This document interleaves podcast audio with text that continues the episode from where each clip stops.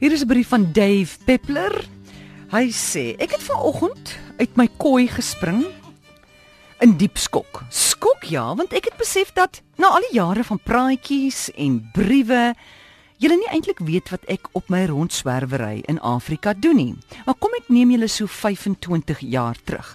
Ek het toe begin met konsultasie, veral in die veld van die bestuur van volhoubare hulpbronne en so het ek reg oor Afrika en Suid-Amerika gewerk met houtskoolproduksie, kiaatontginning, bestuur van natuurlike tropiese woude en die regulering van wildbevolkings. Nou ek is tans in Angola soos jy weet, een van die wêreld se vinnig groeiende lande met tragies genoeg die hoogste kindersterftes op aarde, asook die laagste lewensverwagting. Iets hier is nie reg nie en dit gaan ook nie oor of liewer gou regkom nie. Olie en diamantgeld is aan die roer van 'n skip met 'n onseker koers.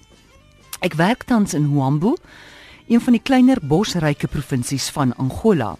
Nou 'n konsortium beleggers het 'n internasionale span saamgestel om 'n ondersoek te loods na die ontginning van duisende hektaar bloekomplantasies wat die afgelope 30 jaar sonder enige bestuur gestaan het.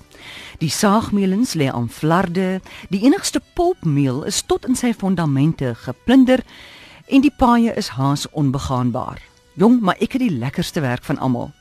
Ek moet omsien na die oorblywende natuurlike boskasies, hier bekend as Miombo, die Afrika bergwoude, die grasvelde en dan die lekkerste na die hemelse vlei lande wat die boelope van die magtige Okavango rivier vorm. Nou my opdrag is eenvoudig. Deurkruis die gebied en vind ongeskonde voorbeelde van hierdie habitats sodat die wat reeds seer gemaak en gekneus is, teruggebring kan word na hul vorige glorie. Dus loop ek deur grasvelde en teken die getuienis van diere aan. Soos vandag byvoorbeeld, waar ek die vars omgedolwe kluite van bosvarke raakgeloop het. Of gister, waar ek hoog teen die berge vars erk varkgate afgeneem het. Of die dag van tevore, waar ek 'n Afrika bergwoud van fabelagtige kwaliteit in 'n verborgde kloof ontdek het. My dae is vol afwagting en vol vreugde, want sekerlik kan daar nie 'n beter werk op aarde wees nie. Dis eenvoudig skandalig dat ek betaal word vir sulke wonderlike, bevredigende werk.